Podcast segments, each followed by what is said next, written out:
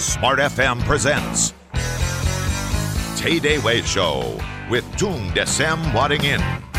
Tay Way Show.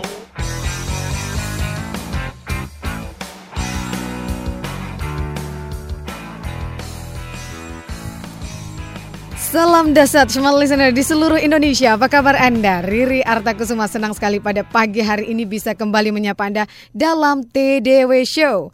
Hey, gimana nih di hari pertama puasa? Jangan lemes-lemes ah nggak ada cerita gitu loh ya. Nah ini sudah ada patung. Saya akan menyapa patung dulu. Kita dengan semangat nih. Patung salam dahsyat. Mbahnya dahsyat. Salam dahsyat untuk Mbak Riri, juga salam dahsyat untuk smart listener seluruh Indonesia. Walaupun hari puasa. Oh bener bener. Ini hari pertama. Iya. Ah, Jadi sepagi ini masih ada beberapa BB yang kirim gitu ternyata membahas tentang adanya beberapa hadits palsu yang mengatakan bahwa seolah-olah kalau puasa itu tidur saja gitu Oh. lagi diributin di BB gitu ya. Kayaknya nggak enak ya patung kalau nggak produktif gitu ya. Iya, tetap aja puasa juga boleh produktif gitu. Betul sekali. Walaupun nomor satu tetap mohon maaf dulu supaya puasanya Ah, iya, bersih maaf. gitu ya, dan damai dan bermanfaat untuk kita semua Iya, gitu ya. benar Mohon maaf banget. lahir batin, smart listener seluruh Indonesia Raya, Mbak Riri juga dan ayo jalanin puasa dengan baik sesuai dengan tuntutan agama masing-masing dan kemudian kita doa masing-masing supaya bulan yang suci ini betul-betul membawa berkah bukan hanya untuk yang umat beragama muslim tapi juga semua orang. Ya. Semuanya, benar banget. Nah, Smart pada kesempatan pagi hari ini, ini menarik kita akan mengangkat satu topik yang eh, cukup oke dibahas, apalagi ini di bulan suci Ramadan. Kita akan membahas satu hal mengenai bijaksana. Terkesan simpel sekali, tapi banyak pendapat, banyak eh, persepsi yang mengatakan tentang bijaksana. Masing-masing orang punya eh, pendapat sendiri-sendiri mengenai bijaksana ya, Patung ya. Tapi saya mau tanya Patung dulu, Yes. kenapa Patung mengangkat topik bijaksana nih? Jadi ketika membaca ayat-ayat di kitab suci gitu ya. Mhm. Ternyata baik yang di Kristen maupun di Muslim itu ada satu nabi, Mhm. eh, nabi yang dianggap paling kaya sepanjang sejarah kehidupan manusia. Bill Gates pun kalah kaya gitu ya, Mhm. yaitu Nabi Sulaiman. Oh ya. Kalau versinya itu King of Solomo, King, King Solomo gitu ya, King Solomo. Nah ternyata Nabi Sulaiman itu doanya itu minta bijaksana gitu ya. Jadi dia minta ilmu pengetahuan dan kebijaksanaan. Doanya cuma satu itu doang. Kita ditawarin kamu mau ilmu pengetahuan kebijaksanaan atau harta dan benda. Dia minta saya bijaksana aja. Dia tidak minta kepala lawannya untuk dipotong. Dia tidak minta istilahnya kekuasaan, tidak minta terkenal, tidak minta harta benda. Dia minta bijaksana. Dan yang menarik lagi, terus kemudian Benjamin Franklin. Hmm. Benjamin Franklin ini adalah bukan presiden, tetapi gambarnya ditaruh di mata uang Amerika yang paling besar, 100 US dollar. Sedangkan Wow. presiden yang lain kan cuma ditaruh di satu dolar, dua dolar. Apa pentingnya orang ini? Kenapa kalau lebih sakti dari George Washington pun presiden nomor satu di Amerika. Amerika? Nah, ternyata orang ini juga anak istilahnya 15 dari 17 bersaudara dan miskin sekali sekolah cuma dua tahun awal dalam kehidupannya, tapi pendidikan tidak pernah selesai. Oh, Oke. Nah ini jadi ada juga yang membedakan kalau gelar saya tinggi berarti saya yang paling hebat. No gitu ya. Ternyata orang yang mau belajar lah yang dia akan terus mendapatkan kebenaran. Kebenaran bukan milik orang yang gelarnya paling banyak, tapi milik orang yang mau membuka hati dan terus belajar dan punya kebiasaan-kebiasaan yang baik. Nah, terus kemudian kemudian ternyata doanya Benjamin Franklin itu juga mohon karunia kebijaksanaanmu gitu ya. Oh, oke. Jadi nah dan sebagai satu-satunya balasanku buat biarkan hambamu melayani untuk anak-anakmu yang lain. Itu saya bilang, wow, jadi bijaksana mas terus kemudian masih mau membalas Tuhan dengan melayani orang-orang lain. Saya bilang, pantasan ditaruh di duit 100 dolar tadi gitu ya. Aha. Ternyata dia sebetulnya peletak dasar hak-hak asasi di Amerika, Amerika. terus tentang keuangan, terus kemudian kemerdekaan bahkan pada waktu mestinya saat itu dia yang harusnya jadi presiden. George Washington hormat sekali dengan Franklin. Benjamin Franklin gitu ya.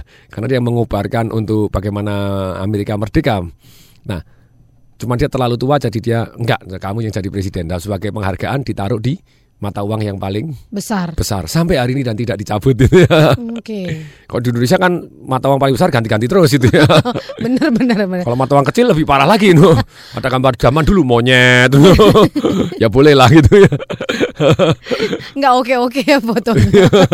ya ya enggak apa-apa tapi kembali lagi itulah jadi terus kemudian ketika ketika dalam perjalanan kehidupan saya pribadi gitu ya merasa bahwa apa sih yang harus saya cari dalam kehidupan, apa sih yang pega- harus saya pegang.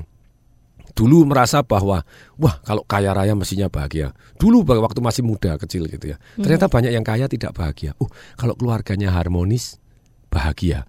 Ternyata ada juga keluarga harmonis tidak punya duit juga sengsara juga mana bisa harmonis gitu ya Benar. mana yang harus diutamakan di dalam kehidupan.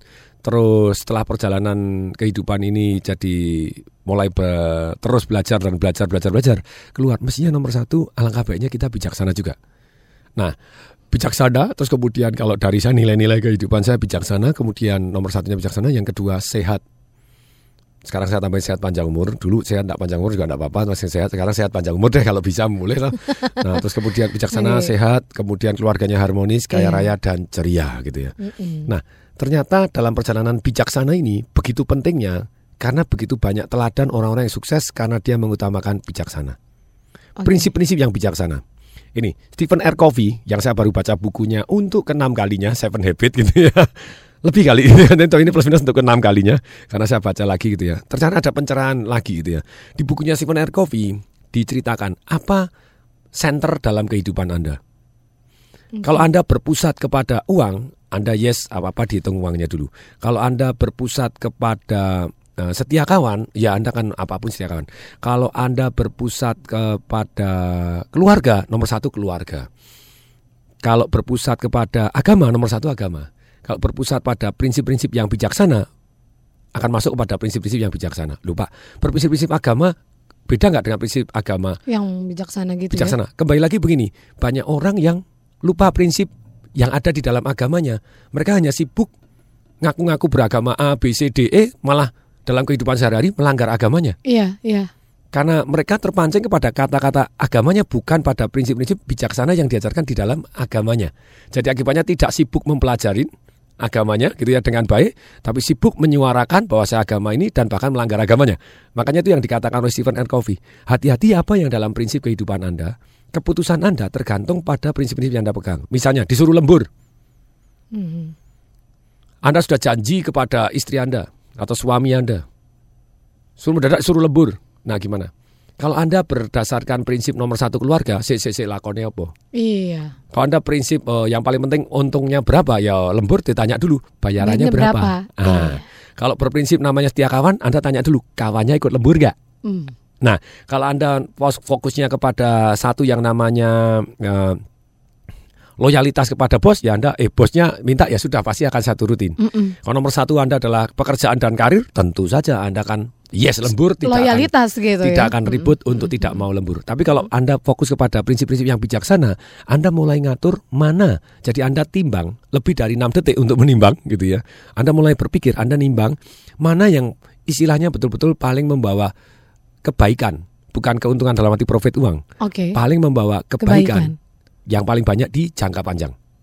Hmm. Jangka panjang. Nah, kembali lagi dan kemudian bisa tidak Anda mengkomunikasikan dengan baik kepada istri Anda sehingga tidak tersinggung? Bisa tidak Anda mengkomunikasikan dengan baik kepada atasan Anda sehingga juga tidak tersinggung apabila Anda berat di istri? Nah, ternyata Anda melihat bobotnya dulu, tidak sembarangan ya tidak. Tapi kalau Anda senternya istilahnya apa ya tergantung misalnya lagi eh, suruh lembur, ya wes lembur gitu langsung tek gitu, ya enggak apa-apa. Nah, tapi kemudian menyesali merasa tidak enak. Tapi kalau orang yang bijaksana ketika dia ambil keputusan yang bijaksana dia feel good. Dulu. Setelah dipikir dulu, apa pun resikonya dia sudah terima, and dia feel good. Oh, oke. Karena dia orientasinya memang kepada kebaikan yang paling besar di jangka panjang setiap situasi berbeda. Misalnya perusahaan ini kalau Anda tidak lembur, besoknya tutup, terus kemudian banyak lagi yang mati. Atau bagaimana ya terpaksa, bukan terpaksa dalam mati, ya sini keputusannya. Walaupun ulang tahun istri Anda terpaksa harus dikorbankan. Tergantung bobotnya masing-masing dia mikir. Dan prinsip-prinsip yang bijaksana ternyata ada pegangan-pegangan yang universal. Oke, nanti ya pegangan Yes, yang mm. universalnya selepas yang satu ini aja. Nah, semua listener, itu dia baru di sesi-sesi awal bagaimana Patung menyampaikan mengenai kebijaksanaan. Nah, kalau Anda ingin berinteraksi dengan Patung, silakan di 0213933888 ataupun juga SMS 0812 11 12 959 0812 11 12 959. Selepas yang satu ini, TDW Show masih akan segera kembali. Kasih lima. TDW Show.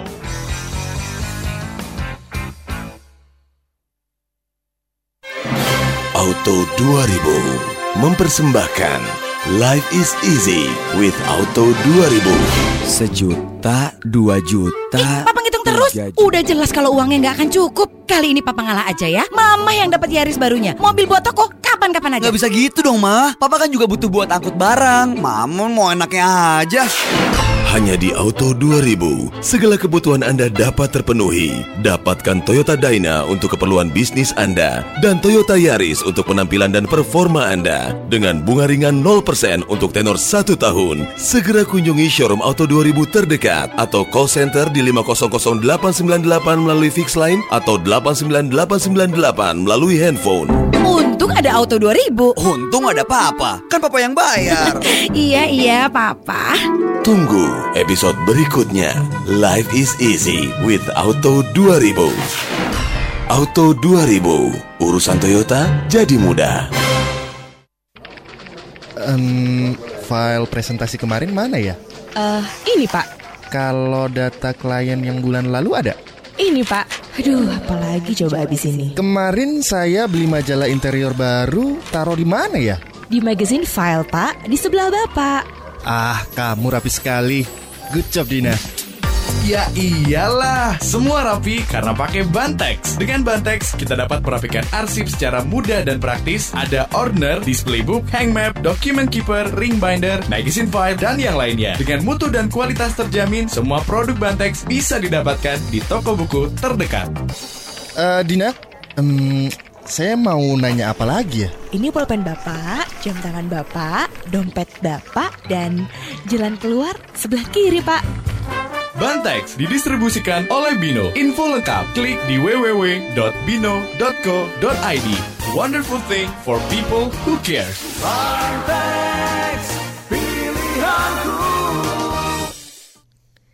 Semua listener, bagaimana gaya hidup modern yang smart bagi Anda? Hidup nyaman yang praktis, serba otomatis yang sesuai kebutuhan kita? Nah kini semakin banyak perangkat elektronik yang menawarkan berbagai kenyamanan yang praktis, tapi seiring banyaknya kebutuhan listrik, bagaimana ya caranya menghemat jika ingin terus nyaman? Nah, Panasonic menghadirkan AC Envio teknologi inverter yang dilengkapi dengan teknologi EcoNevi, teknologi pintar EcoNevi yang akan mengarahkan pendinginan dengan mengikuti posisi Anda tanpa harus mendinginkan seluruh ruangan sehingga pemakaian listrik jauh lebih hemat. AC inverter plus EcoNevi ini bisa menghemat hingga 60%. Cara pintar, hemat listrik dengan teknologi EcoNevi. Panasonic Ideas for Life and Panasonic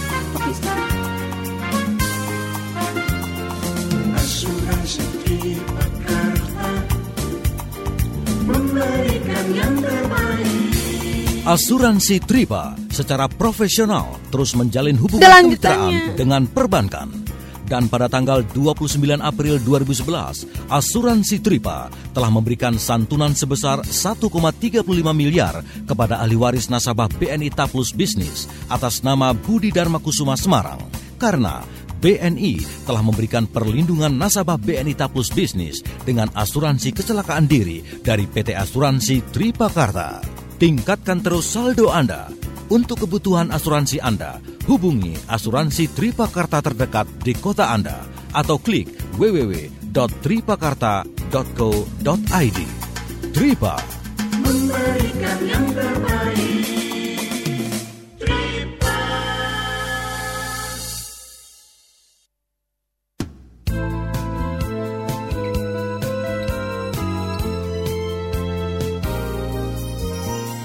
Smart FM Jakarta.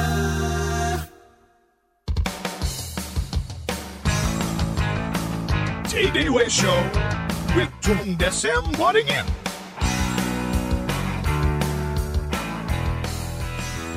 Kita kembali lagi dalam memperbincangkan kebijaksanaan bersama Tung Desem Waringin dan semua listener kalau misalkan Anda ingin berinteraksi seperti yang tadi sudah saya informasikan di 0812 11 12959 0812 11 12 959 dan kita menyediakan 5 buah buku Financial Revolution untuk Anda. Jadi langsung aja ya ke 0812 11 12 959.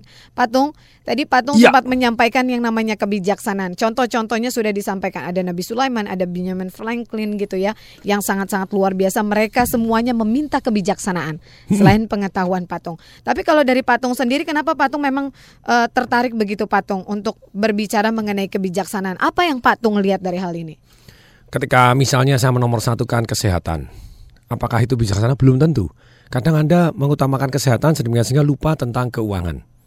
Atau Anda mengutamakan tentang kesehatan sedemikian sehingga lupa tentang keluarga Anda. Ada juga orang yang setiap hari misalnya meditasi boleh aja semua orang panggilannya masing-masing. Ini Hmm. kembali lagi nanti bijaksana tergantung perannya juga, Yep. tergantung posisinya Anda. Bisa setiap hari Anda mengatakan bahwa saya itu meditasi satu hari 6 jam, terus ternyata panjang umur saya bisa tambah 20%. Tapi Anda sudah menghabiskan waktu kehidupan Anda sudah 25% dalam kehidupan Anda sudah habis untuk meditasi sendiri untuk nambah umur 20% saja. Hmm. Apakah itu bijaksana? Tidak tahu. Jadi tergantung perannya. Mari kita jadi kita tidak menghakimi lebih dahulu karena tergantung perannya masing-masing. Nah, sekarang jadi pada waktu eh, saya kepengen keluarga harmonis. Saya bagaimana bisa keluarga harmonis kalau saya tidak bijaksana? Hmm. Kemudian kaya, bagaimana saya bisa kaya kalau saya tidak Bijaksana. bijaksana? Kemudian saya pengen sehat, bagaimana saya bisa sehat kalau saya tidak bijaksana? Saya pengen ceria, bagaimana saya bisa ceria kalau saya tidak bijaksana? Nah terus bijaksana itu apa sih? Kemarin Twitter thank you so much begitu ya begitu Langsung banyak beramai- gitu ya. banyaknya nggak rat- beratus-ratus tweet masuk tentang sharing apa itu bijaksana. Bijaksana ada yang menarik di sini dikatakan bahwa bijaksana itu adalah melakukan hal yang tepat di waktu yang tepat di tempat yang tepat dengan cara yang tepat. Berarti hal ini bisa positif bisa negatif tapi tepat. Oke, Ukurannya tepat itu apa sih? Membawa kebaikan yang paling banyak bagi semuanya. bagi banyak orang dan di jangka waktu yang paling panjang. Oke. Nah, pertanyaannya, bagaimana kita bisa tahu bahwa apa yang kita lakukan sekarang atau di masa lalu atau kemudian kemungkinan di masa depan itu adalah sudah dengan adalah tindakan yang tepat, dengan cara yang tepat, di, Di waktu, waktu yang, yang tepat, di tempat yang tepat. Nah, bagaimana kita bisa tahu? Pertanyaan ini terus mengusik saya gitu ya. Ternyata kita tidak akan pernah bisa tahu gitu ya. Hanya kita bisa ngomong sejauh mata memandang, Mhm. sejauh telinga bisa mendengar, sejauh hati bisa merasakan, sejauh pikiran bisa menghitung bahwa itu adalah yang terbaik untuk masa depan dan paling panjang yang terbagus untuk sekarang dengan menghasilkan kebaikan yang paling banyak untuk umatnya gitu ya. Mhm. Dan kita lakukan. Apakah itu ternyata hasilnya paling baik? Belum tentu loh. Hmm. Sometimes kita dengan sejuta itikat baik dengan hati bersih bisa saja tanpa sadar Hasilnya juga belum tentu belum tentu diterima. bagus dan belum tentu uh, baik untuk banyak orang. Iya betul betul. Nah, makanya salah satu yang paling bagus di sini yang yang pernah saya dengar ada satu doa, doa serenity gitu ya. Dikatakan begini bahwa Anda bisa sebut gitu ya. Ya Tuhan, mohon berikan hambamu ini kekuatan dan keberanian untuk merubah yang harus dirubah. Dan berikan hambamu ini kedamaian, ketenangan serta keikhlasan untuk bisa menerima yang yang tidak tidak bisa, bisa dirubah. dirubah. Oke. Dan yang ketiga, beri hambamu ini kebijaksanaan untuk mengetahui mana yang bisa dirubah, yang harus dirubah, dan mana yang tidak bisa dirubah sebenarnya harus diterima dengan ikhlas. Oke. Eh, saya nampaknya Hmm. pernah mendengar itu dalam bukunya David Rico, Pak. Hmm. Pak Tung itu sangat-sangat memang luar biasa bagaimana mengajarkan kita kebijaksanaan. Hmm. Artinya eh, memang semuanya itu mungkin ada hal-hal yang tidak bisa kita rubah, tapi kita minta kebijaksanaan untuk hal itu menerima. Ya, terima kasih Gitu. Tuhan. Inilah gitu ya. Iya, gitu. Patung kita terima dulu penelpon Yes, berikut ini dengan ya. senang hati. Sudah ada ini nampaknya. Halo, salam dahsyat. Selamat pagi. Halo. Halo. Oke, satu lagi. Halo, salam dahsyat. Selamat pagi. Pagi, salam dahsyat Patung. Yes. Yes, dengan Bapak siapa di mana, Pak? Sofian di Jakarta. Silakan Pak Sofyan. Ya, pertama sih saya bangga nih Patung udah dikasih testimoni Pak, sama Pak SBY ya. Terima Saya- kasih. Saya tadi tuh kadang-kadang dengan Patung tuh istri saya sampai bilang kalau di mobil, aduh ini tukang obat ngobrol lagi. Ternyata dahsyatnya luar biasa. Oke. Nah, mengenai kebijaksanaan patung, saya Yes, mm. punya pendapat gini. Mm. Apakah kebijaksanaan itu bisa didapat based on experience yang udah dilewati gitu loh? Iya. mm-mm. Jadi makin kita banyak pengalaman, Mm-mm. makin kita Bijaksana. let's say makin tua, makin bijaksana gitu.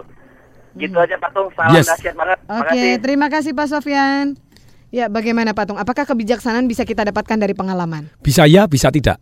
Oke. Maksudnya bagaimana? Kita kalau pengalamannya banyak, nah ada orang bilang, saya ini berpengalaman loh, sudah berpengalaman 32 tahun. Sebetulnya enggak, pengalaman 2 tahun diulangi 16 kali. Iya. Nah itu kan sebetulnya, ya dia memang, ya, tapi kembali lagi jadi dikatakan oleh Ralph Waldo Emerson itu salah satu pujangga Inggris yang tahun 1600-an yang saya seneng dan akhirnya saya kasih nama anak saya Waldo juga gitu karena kita harapkan sebagai orang yang bijaksana gitu. Terus eh, ternyata dia mengatakan begini bahwa hidup ini adalah eksperimen gitu ya di percobaan. Semakin banyak eksperimen, semakin hidup Anda dan tentu saja semakin bijaksana Anda. Maksudnya apa? Anda semakin tahu mana yang salah, mana yang Tidak. tidak. Tapi ada juga orang yang berpengalaman misalnya begini. Otak manusia itu di istilahnya dalam bawah sadar kita, seluruh susunan saraf kita, DNA kita, itu ditakdirkan untuk cari nikmat menghindari sengsara. Oke. Problemnya nikmat itu relatif, sengsara itu relatif. Begitu sengsara, otak langsung meminta kita untuk menghindari. Seluruh alam sadar kita bawah sadar menghindari.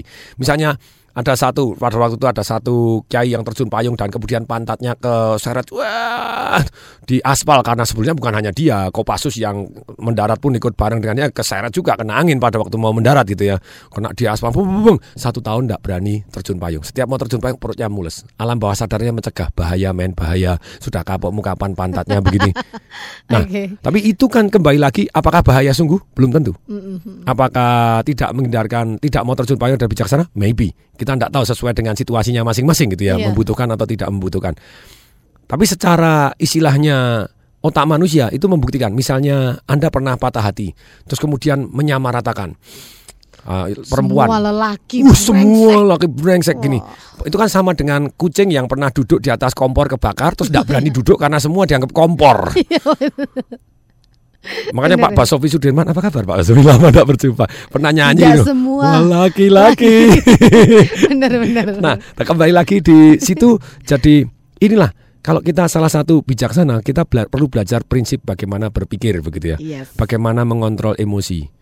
Yang sering kali saya ngomong tanpa sadar otak manusia kita tahu fungsinya dulu. Otak manusia itu tanpa sadar selalu menggeneralisasi mendilit dan mendistorsi. Nah kalau kita kena tiga ini ada waktunya itu bijaksana ada waktunya tidak bijaksana. Tadi kita mulai tahu kapan menggeneralisasi tidak bijaksana. Misalnya ada satu teroris langsung satu agama dianggap teroris. Ada teman dari luar negeri datang ke Indonesia "Hmm, agama muslim adalah agama yang penuh kekerasan. Saya bilang, oh kamu pernah baca pernah baca Al-Quran? Oh never, I will never. Karena dia tidak suka langsung dia stempel langsung dianggap agama penuh kekerasan gitu. Saya bilang, kalau kalau saya salah tolong dilawan nih Mbak Riri. Benar nggak sih bahwa Al-Quran itu seluruh ayatnya kecuali satu dimulai dengan kata-kata pada waktu mau baca Bismillah Bismillah, betul. Dengan kasih sayang, ah, dengan menyebut nama Allah yang Maha Pengasih dan Maha penyayang. penyayang. Nah, kalau orang dengan penuh kekerasan masa dengan menyebut nama Allah yang Maha Kasih kamu tak bunuh. Eh, sudah pasti salah baca ayat. Ini generalisasi juga pasti. Ini sebetulnya hal paling simpel yang kalau misalkan kita mau berpikir begitu ya Patung ya.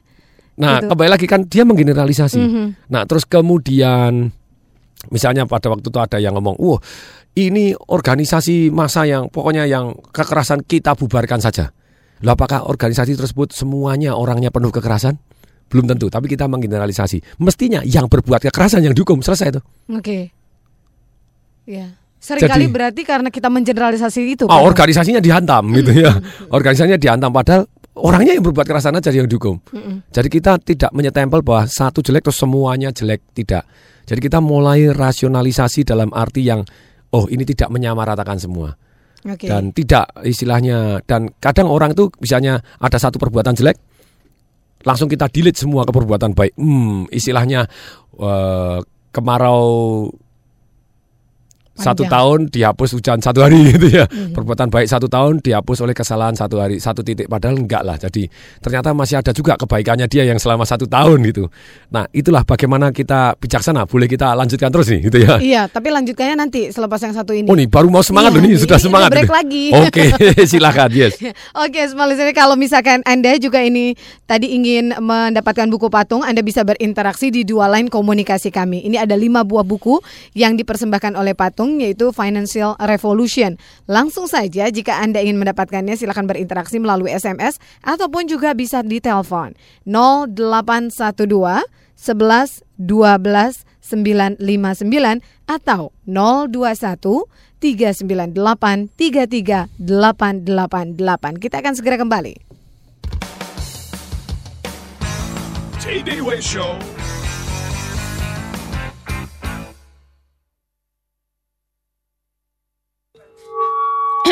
Tes, saya coba lagi ya, Mas. Oke. Take 88.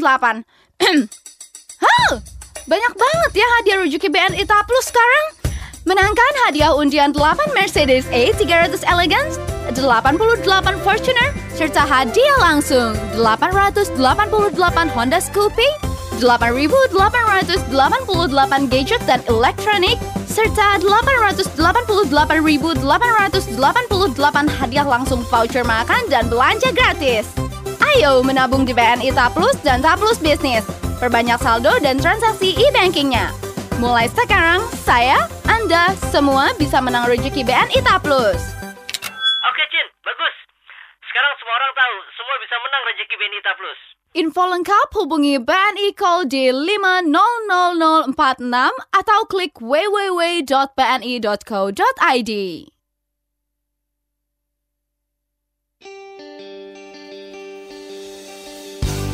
Hal kecil bisa jadi masalah besar di kantor, tapi hal kecil juga bisa sangat bermanfaat. Ideas to simplify your work life. Percuma deh, bos punya sekretaris bening kalau nggak bisa bikin bening ruangannya juga. Begitu kataku sama temen sekantor yang lagi curhat gara-gara disuruh cariin file. Lama banget nggak ketemu. Terus dia diomelin sama bosnya.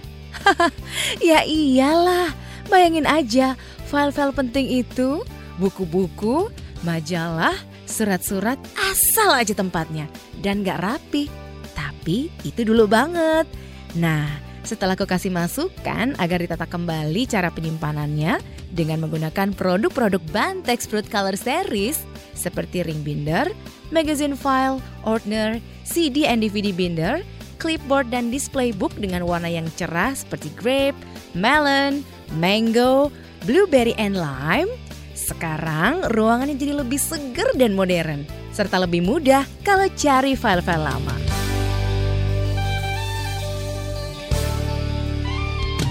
Ideas to simplify your work life is presented by Bantex and Smart FM.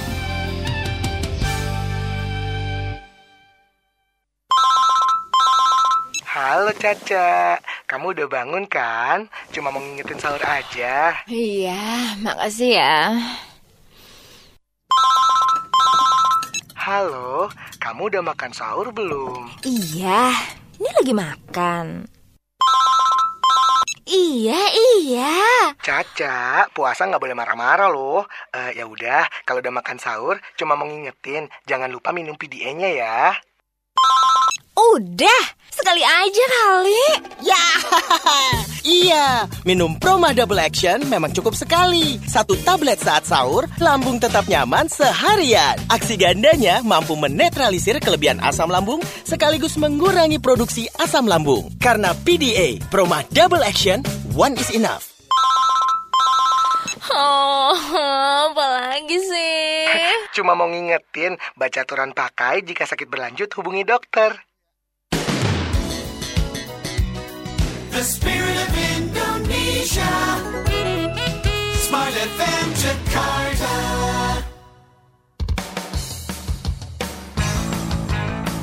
TDW Show with Tung Desem Waddingin.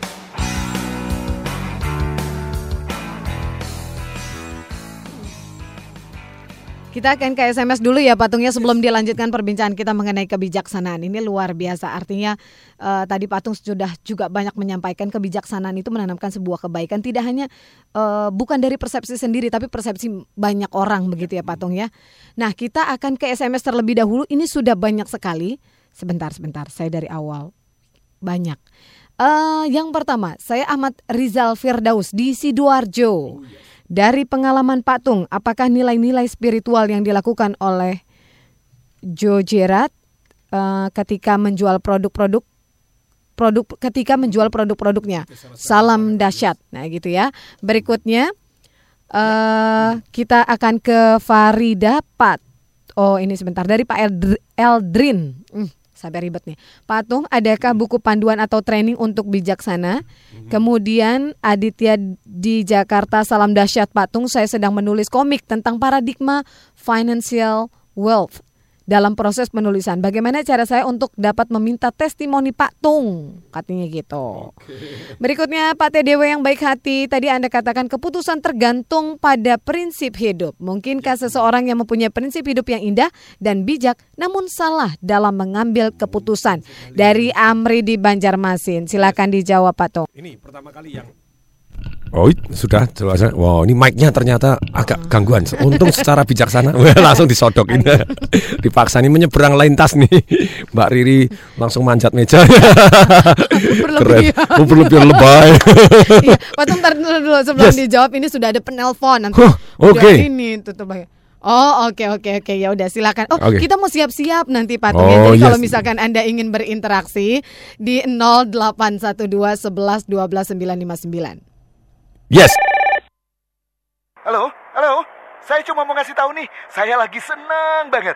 Baru aja menang Toyota Fortuner dari Rezeki BNI Plus. Bener-bener loh, semua orang tuh bisa menang di Rezeki BNI Plus. Udah dulu ya, mau banyakin saldo lagi nih. Dah. Ya, jadi ini smart listener. Kalau pertanyaannya tadi adalah tentang uh, Joey Girat bahwa apakah dia melakukan prinsip-prinsip spiritual, tentu saja. Jadi dia mengimani satu yang namanya bahwa berjualan itu harus sesuatu hal yang bermanfaat untuk orang lain. Tentu saja dia tidak akan menjual yang tapi apakah yang dijual pasti selalu bermanfaat? Yes, sejauh mata memandang. Seperti sering kali saya bilang, apakah penjual itu harus meyakini dan mengimani bahwa yang dijual bermanfaat? Yes. Kalau dia yakini bahwa itu tidak bermanfaat, ya jangan dijual. Nah, tapi apakah yang dijual selalu bermanfaat? Hanya sejauh mata memandang, telinga mendengar, hati merasakan, pikiran menghitung bahwa itu menguntungkan untuk yang beli, kenapa tidak? McDonald pun apakah pasti selalu menguntungkan? Tidak juga, ada ada 6% yang tutup gitu ya. Di mana di Pekanbaru di Banjarmasin kalau saya salah tolong diralat gitu ya. Ada yang tutup juga terpaksa. Tapi apakah yang jual franchise beritikat membangkrutkan untuk orang yang beli? Enggak. Tapi dia truly benar-benar merasa dan menghitung mendengar ini menguntungkan. Kalau belum untung ya kita harus belajar lagi. Nah, kemudian jadi apakah ada panduan training untuk menjadi bijaksana? Kalau di dalam seminar saya ada satu seri yang seminar namanya Life Revolution. Life Revolution kita bahas tentang kebijaksanaan kebijaksanaan yang dipunyai oleh Benjamin Franklin gitu ya. Terus kemudian dari pelajaran apa yang dapat dari Nabi Sulaiman dan kemudian juga kebi- kebiasaan-kebiasaan apa sih yang mengarah orang menjadi lebih bijaksana. Terus kemudian prinsip-prinsip apa sih yang secara universal akan dianggap jauh lebih bijaksana gitu ya. Dan sekali lagi tentu saja universal apakah pasti bijaksana pertanyaannya. Universal apakah selalu bijaksana? Pendapat orang banyak itu apakah selalu yang paling benar? Belum. Belum, tentu. Salah satu contoh yang ini di Amerika begitu ya. Mhm. Amerika kenapa sih hari ini rugi begitu banyaknya? Ini karena memang dari dulu sudah jelas bahwa pada waktu kampanye presiden Mhm. itu yang salah satu yang paling menarik untuk orang banyak adalah pengurangan pajak. Oke. Ketika pengurangan pajak, negara akan defisit dan utang terus. Lah, presiden berikutnya yang nanggung. Nah, dia bilang no problem, yang penting kan aku kepilih presiden dulu gitu ya. Jadi jadi mengorbankan kepentingan jangka panjang untuk jangka pendek dengan mempengaruhi manusia-manusia yang secara umum hanya cari nikmat. Kembali lagi, otak manusia hanya cari nikmat menghindari sengsara. Problemnya manusia, dia tidak mengenali mana yang nikmat jangka pendek, jangka panjang. Yang- iya. Kalau bijaksana, nah ini salah satu bijaksana, dia mengenali kenikmatan jangka panjang dan kenikmatan jangka pendek. Kalau kenikmatan jangka pendek ternyata membawa kesengsaraan jangka panjang, dia tidak mau. Ngurangi pajak, moh. Nah, kalau pajaknya dipotong-potong terus sampai negara defisit terus, nah ya betul presiden berikutnya yang KO, tapi pemilihan presiden biasanya kalah. Oke, iya betul. Nah, ada ada juga yang caranya si Abraham Lincoln gitu ya. Abraham Lincoln pada waktu dia kampanye presiden dia tidak meributin sama sekali tentang satu yang namanya ras diskriminasi dan mau menghapus perbudakan. Tapi ketika jadi presiden dia incat, yang ngotot untuk dia taruh nyawanya gitu ya untuk bahwa ras diskriminasi tidak boleh. Gitu ya. Yang namanya perbudakan harus dihapuskan. Dan untuk itu terpaksa perang dia. Selatan lawan utara perang. Walaupun dia akhirnya menang dan akhirnya dibunuh orang Dia taruh nyawanya. Tapi dia adalah orang awal yang berani betul-betul Betul-betul membebaskan Menghapus. begitu banyaknya. Nah jadi satu bijaksana itu tadi Ada kan, kan gini loh Kita harus tahu asosiasi ini. Otak manusia cari nikmat. Nah problem ini. Yang paling parah yang paling membuat orang parah itu adalah cari nikmat jangka pendek, sengsara jangka panjang tidak peduli. Anda memperkosa orang, membunuh orang, rampok segala macam, korupsi yang merugikan banyak. Loh, Pak ada korupsi yang tidak merugikan. Maybe kita tidak menghakimi lebih dahulu. Tapi sekali lagi berikutnya, terus itu asosiasi yang salah. Asosiasi yang benar mau istilahnya berakit-rakit ke hulu, berenang-renang kemudian. Ya. Maksudnya apa sih? Jadi kita mau sakit-sakit dulu, bersenang-senang Bersenang-senang kemudian. kemudian. Mau atau berani menjalani sengsara jangka pendek asal jangka panjangnya nikmat, Nikmat. sekali. Problem otak manusia tidak mengenal itu. Kan menghindari sengsara toh. Sengsara jangka pendek dia tidak mau. Nah, kalau kita cukup bijaksana gitu yang terus saya belajar. Bagaimana yang namanya nikmat dan sengsara itu kan relatif toh. Iya. Kenapa bagi orang lain sengsara, bagi orang lain malah damai-damai saja, malah kau tidak melakukan dia sengsara? Ada orang yang olahraga itu dianggap sengsara, tapi ada juga orang yang kalau tidak olahraga malah jadi sengsara. Mm-mm. Itu kan relatif sekali. Iya. Nah, yang ketiga yang paling benar adalah asosiasi, bukan paling benar. Yang menurut saya adalah yang dahsyat itu kalau kita mempunyai kemampuan membuat nikmat jangka pendek, nikmat sekali jangka panjang. Oke. Jadi bagi orang lain dianggap sengsara tapi dia bisa anggap nikmat. Nah, dia bisa punya ilmu merubah perasaan emosi ini tadi yang secara relatif itu adalah tergantung tuh capek. Enak atau tidak enak, Mbak Riri? Kalau saya sih enak. Nah, lo, saya ndak. Oke. Siapa yang salah, siapa yang benar? Hmm, nggak ada yang salah. Nggak ada yang salah, nggak ada yang benar. Nah, tapi pertanyaan sekarang, capek perlu nggak? Kalau misalnya Perlu sedikit sih perlu, tapi kalau kebanyakan juga sakit jadinya perut juga gitu nggak- ya. Oh, nggak Nah, bagus. Pertanyaannya begini, kalau kita melakukan sesuatu hal, ada orang yang tidak suka sama sekali. Harus baca buku apa? Aku tidak suka baca buku. Dan ada yang suka baca buku. Mm-mm. Pertanyaannya, bagaimana membuat tidak suka jadi suka ketika itu harus? Sedemikian sehingga jangka pendeknya nikmat, jangka panjangnya Lebih nikmat. nikmat sekali. Hmm. Ini yang kita ajarkan di Life Revolution, bagaimana merubah emosi yang sedemikian sehingga asosiasi kita sempurna. Mhm. Yang bagi orang lain dianggap sengsara, tapi bagi kita dianggap nikmat, gitu ya. Diambil nikmat dan kemudian jangka panjangnya nikmat sekali. Mhm. Jadi dalam prosesnya kita happy, memenuhi seluruh panggilan alam kita bahwa kita kepengen cari nikmat tadi. Tidak apa-apa ini nikmat kok. Besok nikmat banget. Tenan. Enak tenan. Oke baik, Yes. kita ke SMS lagi dulu ya Patung ya Hmm. sebelum dilanjutkan. Aduh Mas Lili tertawa tuh di belakang lihat Patung. Berikutnya ini saya akan ke eh, mana ini?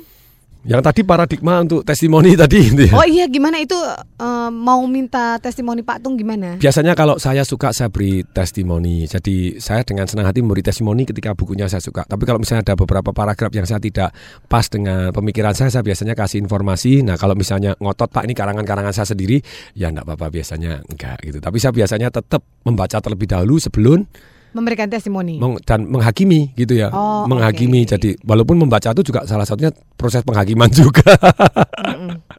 tapi tapi penghakimannya lebih objektif daripada Tidak baca sama sekali. tidak baca. Lu ada lo yang tidak baca langsung tidak mau ngasih testimoni lu. Oh itu nggak ini sih. Ada lu. Apa itu tidak mau langsung? Untungnya Pak SBY mau ngasih gitu ya. Udah baca gitu ya. Karena Pak SBY baca gitu ya buku Marketing Revolution. Oke, Yes.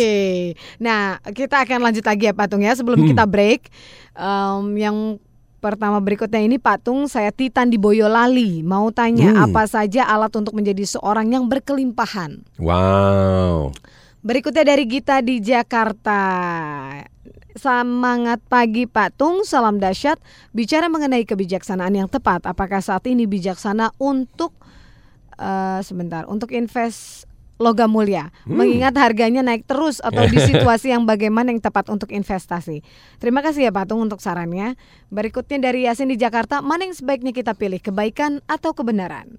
Hmm. Nah, berikutnya saya akan bacakan lagi dari Pak Sulaiman di Medan. Salam dahsyat Patung. Bagaimana agar sel- selalu segar, antusias, dan bersemangat. Oke. Mbak Riri, patung kenapa ya TDW soalnya sekarang hanya satu jam aja usul jadi dua jam lagi dong, dua jam aja terasa kurang apalagi satu jam dari Siti di Keramat Jati. Saya serahkan kepada patung yang jawab nanti. Berikutnya salam dahsyat patung bagaimana agar selalu oh ini sudah dari Pak Sulaiman. Em, Patung tolong diulang dong Hmm. doa tentang kebijaksanaan tadi yang dari siapa? Serenity, doa Serenity, ya. do- doa ketenangan, kedamaian Serenity. Oke, itu kedamaian. nanti akan dijawab oleh Patung, ditanggapi semua selepas yang satu ini. Jangan ke mana-mana, Patung masih akan segera kembali. Show.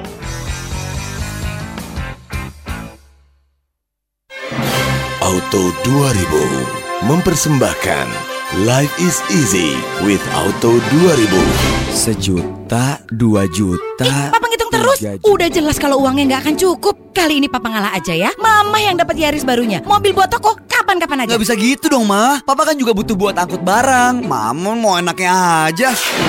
Hanya di Auto 2000, segala kebutuhan Anda dapat terpenuhi. Dapatkan Toyota Dyna untuk keperluan bisnis Anda dan Toyota Yaris untuk penampilan dan performa Anda dengan bunga ringan 0% untuk tenor 1 tahun. Segera kunjungi showroom Auto 2000 terdekat atau call center di 500898 melalui fix line atau 89898 melalui handphone. Untung ada Auto 2000. Untung ada Papa. Kan Papa yang bayar. iya, iya, Papa. Tunggu episode berikutnya. Life is easy with Auto 2000.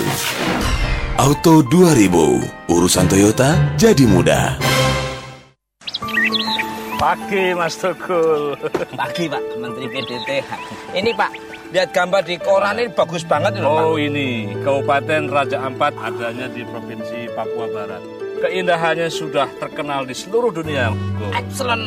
Dahsyat. Masyarakat daerah terpencil Maluku panen rumput laut. Nias potensi ikannya sangat luar biasa. Kakao diekspor dari Aceh. Negara kita kaya Pak ya. Betul Mas Tukul, terbuktikan kalau pemerintah pusat, pemerintah daerah, masyarakat seluruhnya bersatu padu, kita pasti bisa membangun daerah untuk maju. Wow. Bapak lihat majunya kok lihat mulut saya ini loh, majunya itu maju infrastrukturnya, mulai dari jalan, listrik, air bersih, pendidikannya, kesehatannya, maju ekonominya Mas Wah, kalau masyarakat Indonesia maju, Indonesia jadi mantap banget. bersama kita membangun daerah tertinggal.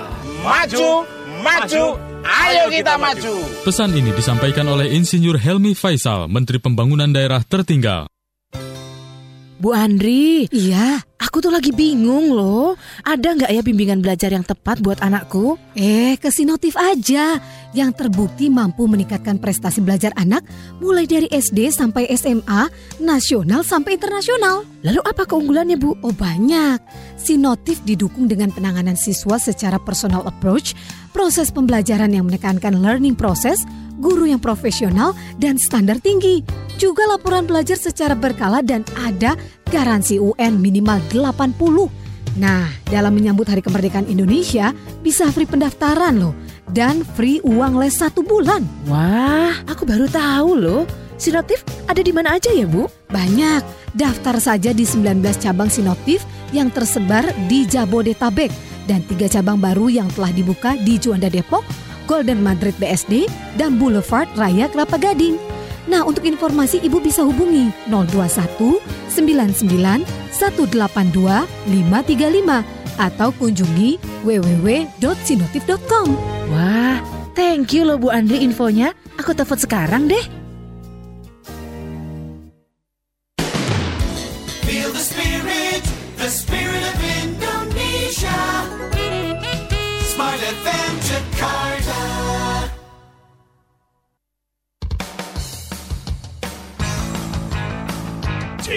Show with Tung Desem.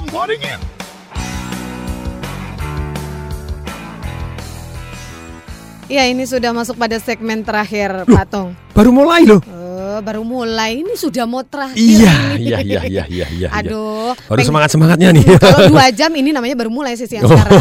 baru tarik gitu. nafas. Oh, benar banget. Patung tadi udah ada beberapa SMS. Patung Yes. mencatatnya juga Ya, ya. mm. Oh, oke. Nah, Patung ingin langsung menjawabnya silakan. Saya jawab dengan mitra liur ya, karena pertanyaannya mitra liur tadi. Trrrt. Nggak tahu bijaksana nggak dijawab secara mitra liur. ya. Oke, langsung, Oke, Patung. Jadi bagaimana kita berkelimpahan? Jadi kita tahu bahwa kalau kita mau berkelimpahan itu adalah nomor satunya bersyukur. Mhm. Kalau Anda bisa bersyukur dan bagaimana kita bisa biar merasa berkelimpahan? Bersyukur itu ada beberapa macam tekniknya. Satu yang teknik mungkin terserah Anda bisa dianggap apa saya belum tahu gitu ya, halal atau tidak halal. Tapi Anda bisa hakimi sendiri bahwa salah satu cara merasa berkelimpahan kalau Anda bisa membandingkan dengan yang lebih kurang. Oke. Kalau misalnya Anda cari sepatu, waduh sepatuku jelek, Anda ternyata bandingkan dengan orang yang tidak punya kaki. Jadi kalau Anda masih belum merasa berkelimpahan, Anda ajak tukar nasib gitu ya. Jadi itu sederhana sekali. Kemarin baru saya baca buku, baru kemarin ke toko buku selesai satu malam langsung habis gitu ya dua jam selesai. Itu nenek hebat dari Saga. Nenek hebat dari Saga cerita tentang orang yang begitu miskinnya, begitu miskinnya di Jepang, true story gitu ya. Jadi neneknya bagaimana menghidupin cucunya dan ketika cucunya komplain dan anaknya dengan damainya, cucunya komplain, ini aku kita kok tiga hari cuma makan nasi doang, ndak ada lauknya. Tenang nak, besok belum tentu makan kok. langsung langsung hari ini maknya apa langsung "Oh, enak besok belum tentu makan.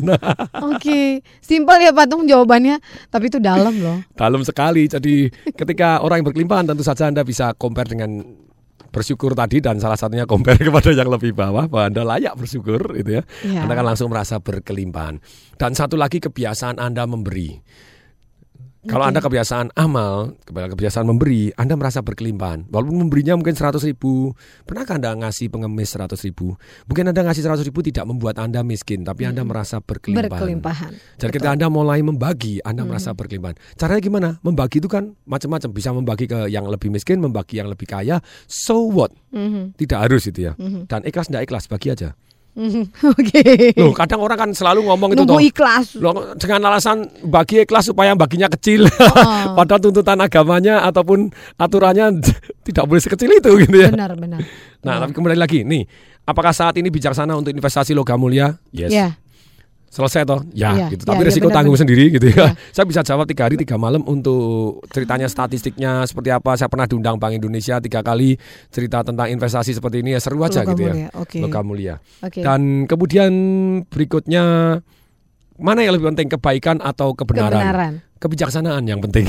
Kebijaksanaan itu sometimes tidak baik. Kebijaksanaan sometimes ti- melakukan yang tidak benar Mhm. di te- waktu yang tepat, di tempat yang tepat. Contohnya, orang tua yang baik sekali, anaknya minta apa pun dikasih semua. Tapi yang bijaksana, sometimes dia dianggap jahat.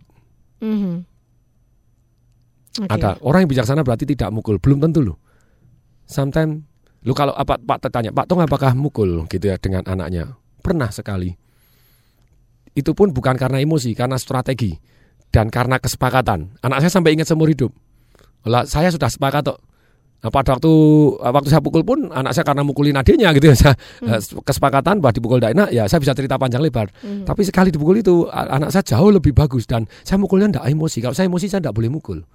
Oke. Itu em, yang menantunya Nabi Muhammad Ali Ali bin Abi Thalib. bin Abi Thalib. Nah itu dia pada waktu sudah perang, sudah nodong pedangnya lawannya tinggal dorong aja masuk jurang atau mati. Tapi Eh. Hmm. mendadak lawannya ngeludahin. Duh, diludahin surat. dia emosi. Kemudian malah pedangnya taruh dilepas. Nah anak buahnya dia, lu kok ini gini, sudah menang gini. Lu kalau aku perang nih membela ke- kebaikan dan kebenaran, ya saya mungkin membunuh orang, ya maybe itu salah satu langkah bijaksana gitu ya. Betul. Tapi kalau dia saya bunuh karena dia ngeludahin saya karena saya marah itu wes pantang bener gitu ya. Jadi harus saya bilang, wow, hmm, oke. Sometime gitu ya. Jadi ketika Anda emosi banyak tidak bijaksananya. Tapi kembali lagi Anda dengan strategi dan membawa hasil yang baik, kenapa tidak? Dan sejauh mata memandang. Berikutnya jadi kebaikan atau kebenaran, pilih kebijaksanaan. Bijaksana sometimes tidak benar loh. Tapi hasilnya sangat bagus di jangka panjang. Dahsyat. Ya, bijaksana sometimes tidak baik loh. Mhm. Tapi di waktu yang tepat dan di tempat yang tepat yang menghasilkan hasil yang tepat tentunya. Nah kemudian, nah bagaimana segar dan antusias? Ini mau dibahas nih, lima hari lima malam bisa nih suasana. jangan. Salah satunya di Live Revolution. Satu tergantung dari gizi anda sendiri. Oke. Jadi nutrisi anda, kalau anda banyak hal yang sayur segar, banyak buah-buahan segar, banyak air putih, banyak air putih. Tidak boleh terlalu banyak kembung gitu ya. Air putih ya 100 kilo tubuh kita 3 liter. Kalau 50 kilo berarti ya satu setengah liter. Air putih tetap akan buat anda segar. Mhm. Pikiran, terus kemudian relationship anda, antusiasme, terus jumlah tidur anda juga akan mempengaruhi. Iya. Saya lihat benar. belakang saya kelihatannya kurang tidur wajahnya. Nih, Aduh. Billy. Oh, kalau saya depan patung. Oh, seger, seger, seger. Oke. Nah, jadi kembali lagi tergantung kesegar dan kemudian banyak hal yang serta lingkungan Anda, input-input yang Anda masukkan. Iya. Nah, kalau ada inputnya berita-berita yang eo-eo terus ya hasilnya eo. Iya. Jadi hati-hati banyak hal. Terus makanya baca, dengarkan Smart FM, Anda akan jauh lebih segar dan antusias juga. Karena pembicaranya top Marco top banyak yang top Marco Jos Marco Jos gitu ya. Oke. Nah, terus kemudian ini apa? Eh, tulisan saya bagus banget jadi tidak bisa dibaca ini. Satu jam apa ini? Oh, kurang kalau satu jam kurang. Ya. Ya kita gantian gitu ya akan banyak pembicara yang hebat juga selain untuk Desember ini dan dahsyat dahsyat semua. Dan kemudian berikutnya uh, doa serenity itu doa seperti apa? Yang ya ini tadi. doanya ini. Ya Tuhan, beri hambamu ini kekuatan dan keberanian Mhm. untuk merubah yang harus dirubah. Oke. Ya Tuhan, beri hambamu ini kedamaian dan ketenangan serta keikhlasan untuk bisa menerima yang tidak bisa Bisa dirubah. dirubah. Dan ya Tuhan, beri hambamu ini kebijaksanaan Mhm. untuk mengetahui mana yang harus dirubah dan mana yang sudah tidak bisa dirubah. Oke, itu dia ya Bapak ya bagaimana contoh serenity ya tadi Yes, Patung ya. hmm. Ah, doa minta kebijaksanaan. Aduh, bagus banget sih Patung. Oke, Patung kita sudah Ya. harus mengakhiri perbincangan kita. Lagi nafsu nih. Saya sampai kaget. Oke, kita harus mengakhiri perbincangan kita Patung. Tapi Patung Hmm. pasti ada satu tips yang ingin Patung sampaikan dan juga kata bijak mengenai kebijaksanaan ini. Salah satu lagi yang belum saya sampaikan di sini yang harus saya lengkapi bahwa bijaksana adalah kita punya ilmu memberi arti. Maksudnya apa? Apa pun yang terjadi, baik positif atau negatif, Mhm. kalau kita mampu memberi arti bahwa kejadian tadi membuat kita jadi lebih kuat, lebih baik, lebih hebat, lebih bermanfaat untuk orang banyak. Karena itu sudah kita tahu bahwa itu tidak bisa kita rubah. Sudah yang berlalu tidak bisa kita rubah. Masa depan masih bisa kita pengaruhi. Jadi salah satunya belajarlah ilmu memberi arti. Sama-sama negatif, kalau misalnya kejadian negatif Anda ngomong pada diri sendiri. Saya tahu kejadiannya itu negatif, tapi Tuhan pasti menginginkan saya menjadi lebih baik, lebih kuat, lebih hebat, lebih positif, lebih sukses, lebih kaya, lebih bahagia karena kejadian hal itu. Untuk itu apa ya yang harus saya pelajarin dari atau karena kejadian itu yang akan membuat saya di kemudian hari menjadi lebih baik, lebih kuat, lebih bijaksana, lebih sukses lagi, lebih dahsyat, lebih langsing, lebih harmonis, anak-anaknya lebih jadi, seksnya lebih kuat, apa pun lah gitu ya, komplitan gitu ya. Oke, itu dia ya, perbincangan kita pagi hari ini bersama Patung Desem Waringin plus juga dengan beberapa tipsnya mengenai kebijaksanaan. Dan ini dia siapakah yang mendapatkan lima buah buku persembahan dari Patung yaitu Financial Revolution. In action. In action. Ah, ah. Iya. Selamat kepada Pak Sofian yang tadi sudah telepon.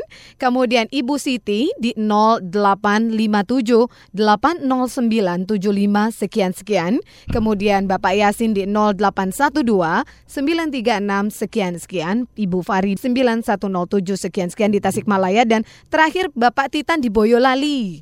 Ini di 0856 471 25 sekian sekian. Patung, thank you banget ya Patung ya tipsnya Yes. Kali ini mengenai kebijaksanaan. Bagaimana mudah-mudahan kita setelah mendengarkan talk show Patung pagi hari ini menjadi orang yang lebih bijaksana lagi menyikapi segala sesuatunya di hadapan kita. Oke, akhir kata saya Riri Artakusuma. Dan Tung Desem Waringin. Kami berdua mengucapkan Salam salam dahsyat. That was Tay Day Way Show with Tung Desem Wadding In. Brought to you by Smart FM Network.